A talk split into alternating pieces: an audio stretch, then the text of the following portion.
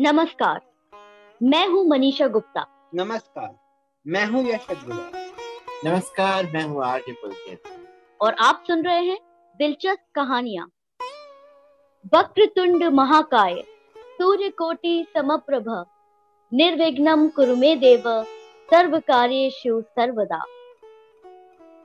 हिंदू सनातन धर्म में श्री गणेश को सबसे पहले पूजा जाता है और इन्हीं के आशीर्वाद से कोई भी शुभ कार्य शुरू किया जाता है। तो आज से गणेश जी के आशीर्वाद से, आप सबके साथ और प्यार से ये अनोखा सफ़र आज से आरंभ किया है। वो भी गणेश चतुर्थी के शुभ दिन पर। आप सभी के घर गणेश जी की कृपा बनी रहे यही हम कामना करते हैं। एक बार मेरे साथ सब बोलेंगे गणपति बापा मोरिया। दोस्तों आज हम आपको रूबरू करेंगे गणेश जी की कुछ खास कहानियों जिनको आपने शायद पढ़ा होगा देखा होगा पर आज हम आपको कुछ अनसुनी कहानी सुनाने जा रहे हैं। जैसे गणेश जी को सबसे पहले क्यों पूजा जाता है? गणेश जी का जन्म गणेश जी के पूरे परिवार के बारे में और ऐसी बहुत सारी कहानियाँ हम आप तक लेकर आए तो आइए, शुरू करते हैं। एक समय की बात है, माता पार्वती जी स्नान कर रही थी। जब भी अचानक शिव जी की सवारी नंदी आ गई और माता पार्वती गुस्सा करने लगी कि बिना पूछे अंदर कैसे आए, जब मैं स्नान कर रही थी, नंदी माता से माफ़ी मांगकर बोला, माँ, मुझे पता नहीं था कि आप स्नान कर रही हैं, वरना मैं क्या किसी को भी अंदर नहीं आने देता।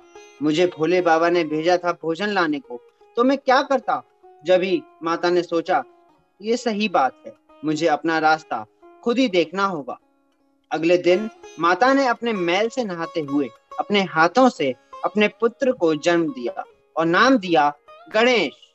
माता ने गणेश को भवन के बाहर पहरा देने को कहा और बोली, पुत्र गणेश पुत्र गणेश हाँ माता। सुनो मैं स्नान करने जा रही हूँ और किसी को भी अंदर मत आने देना। जैसी आज्ञा माता श्री। उसी समय शिव भवन की ओर आए। शिव जी को नहीं पता था कि गणेश मेरा ही बेटा और अंदर आने की जिद करने लगे। ठहरिए प्रभु माता पार्वती स्नान कर रही हैं और मुझे आज्ञा नहीं मैं किसी को भी अंदर जाने दूँ। कृपया करके थोड़ी देर में आइएगा। मुझे जानते पूर्व पालक तू जानता नहीं मैं कौन हूँ? मुझे नहीं मना किया है अंदर आने से। जब गणेश नहीं माने तो फिर बच्चे को देख शिव को गुस्सा आ गया और नंदी से कहा इस बच्चे को मेरे राह से हटा दे, नंदी। ये बालक तेरा गुस्सा नहीं जानता। नंदी ने हटाने की बहुत कोशिश की, पर गणेश को कस से मस्तक भी नहीं कर पाया। फिर पिता और पुत्र के बीच में टकराहट हुई। लग रहा था कोई किसी से कम नहीं। क्रोध में शिव ने तांडव करना शुरू किया और त्रिशूल से गणेश जी का सर धड़ से अलग कर दिया। जब ही गणेश जी ज़मीन पर गिर जाते हैं और माँ पार्वती चिल्लाते हुए बाहर आती हैं माँ माँ। बेटा गणेश बेटा गणेश ये क्या हो गया? कैसे हुआ? कोई कुछ बोलता क्यों नहीं?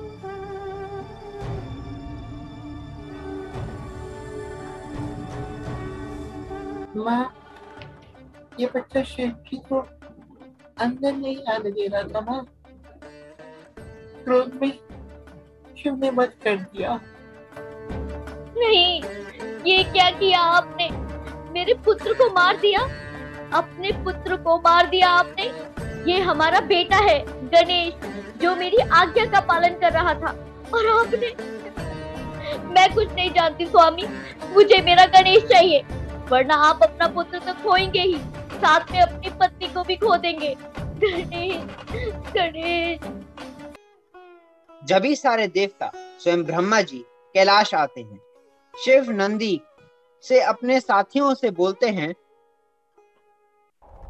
जंगल की ओर जाओ एक बच्चे का सिर काट के लाओ जो भी बच्चा अपनी माता के साथ हो और जिसका मुँह बाएँ तरफ़ हो वो प्रसाद लेके आओ।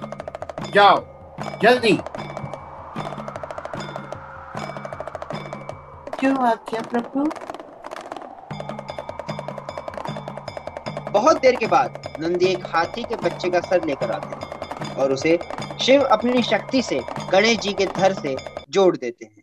और फिर क्या हुआ? माँ माँ। गणेश गणेश ये क्या किया? मेरे बेटे पर हाथी का सर लगा दिया? अब इसको कौन मानेगा? कौन इससे दोस्ती करेगा? कौन करेगा इससे विवाह? जब भी ब्रह्मा जी ने आशीर्वाद दिया माता, मैं गणेश को वरदान देता हूँ कि दुनिया में कोई भी शुभ कार्य होगा तो सबसे पहले गणेश की ही पूजा होगी। बिना गणेश के पूजन से पूजा अधूरी ही रहेगी।